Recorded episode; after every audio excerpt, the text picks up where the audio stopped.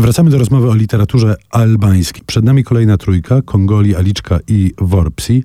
To są pisarze reprezentujący młodsze pokolenia. Tak, to są pisarze właściwie w średnim wieku, ale ich wspólną cechą jest to, że y, zadebiutowali po 91 roku albo stali się znani po 91 roku.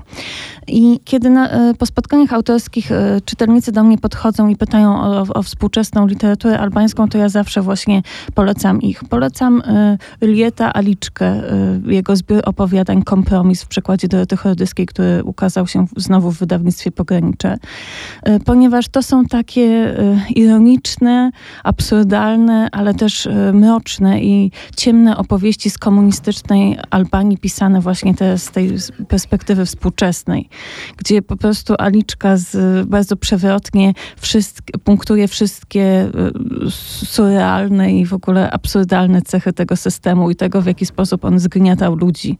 A jednocześnie nie jest to taka literatura porażająca, jest to literatura, która daje pewien oddech czytelnikowi. Kolejną e, autorką albańską, nam już dobrze znaną, jest Ornella Worpsi, której dwie książki wyszły w wydawnictwie Czarne. Ręka, której nie kąsasz i kraj, w którym nigdy się nie umiera.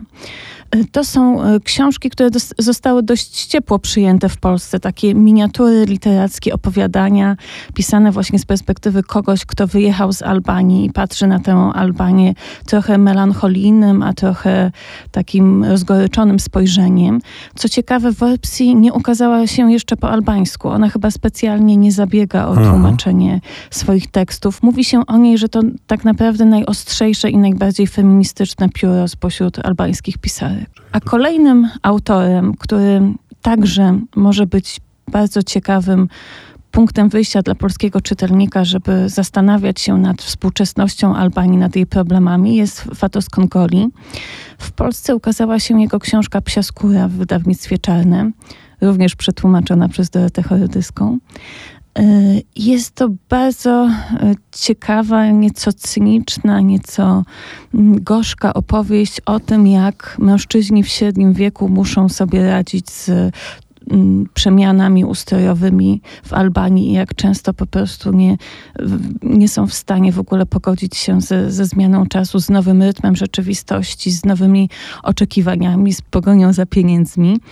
A jednocześnie jest to bardzo ciekawe spojrzenie wstecz na lata komunizmu, na lata 80. Y, to jest chyba jedyna książka z dostępnych na polskim rynku, w której tak mocno jest uwzględniona perspektywa kobiet w okresie komunistycznym w Albanii, różnego rodzaju Aha. upodlenia czy wykorzystywanie seksualne. I to są książki, wszystkie książki, o których mówiliśmy, są dostępne, jak powiedziała przed chwilą Małgorzata Reimer, na polskim rynku, to znaczy można znaleźć je w antykwariatach, księgarniach bądź bibliotekach. Na koniec ja mam tylko jedno proste pytanie.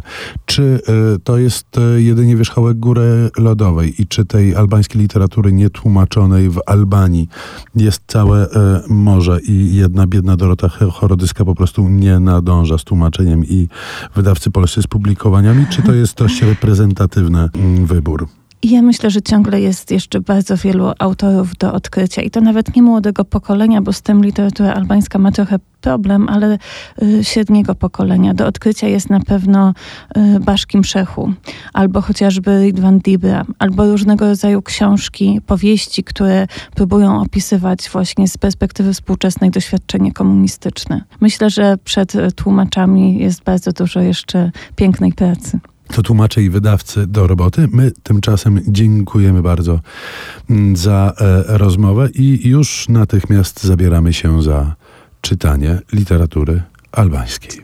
Dziękuję.